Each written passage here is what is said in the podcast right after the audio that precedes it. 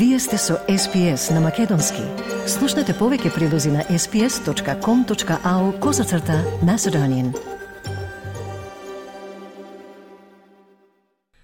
Вие сте со SPS на Македонски. Неговото име е Spirit, Space Industry Responsive Intelligent Thermal, наносателит, дизајниран да ја лансира австралиската вселенска индустрија до последната граница заменик главната истражувачка доктор Ерли Чепмен од Универзитетот во Мелбурн го нарече проектот веројатно најамбициозната австралиска цивилна селенска мисија во последните децении. For the Australian industry, I think this is, this is huge. For civil aviation or civil air, aerospace, I would say this is one of the biggest things since the Federation spacecraft, which was 20 years ago. Потребни беа само две години за да се конструира сателит со големина на кутија за чевли, комплетиран со селфи држач и прирачник за изградба, што истражувачите го нарекуваат водич за склопување на IKEA. Тој беше дизајниран и изграден од Вселенската лабораторија Мелбурн на Универзитетот во Мелбурн, поддржан од Австралиско-италијански синдикат.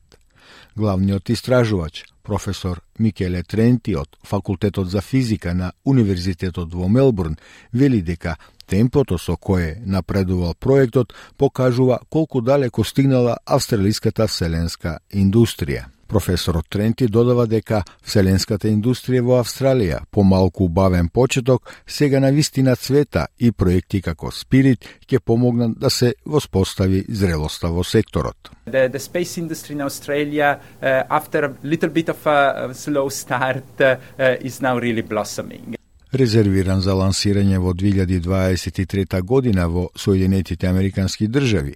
Дизајнот на оригами панелот на Спирит ќе се расплетува откако ќе биде распореден. Oh, Доктор Ерли Чепмен вели дека голем дел од незината технологија е прва во светот.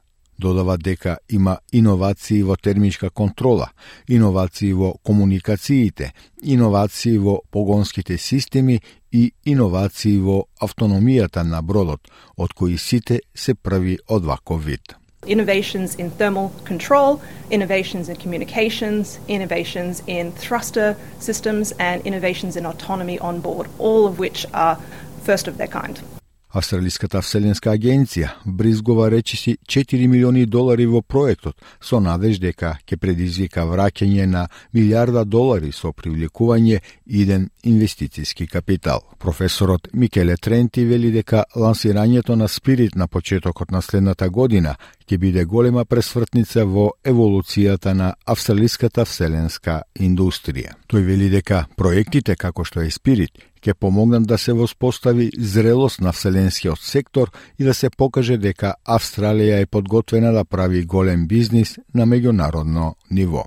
Projects such as Spirit will help to establish uh, the maturity of the space sector and uh, show that uh, Australia is ready to do big business uh, internationally. Австралиската вселенска агенција вели дека има за цел трајно да го зголеми придонесот на секторот во националниот бруто домашен производ на 12 милиарди долари и да ја воспостави Австралија како вселенска нација до крајот на деценијата.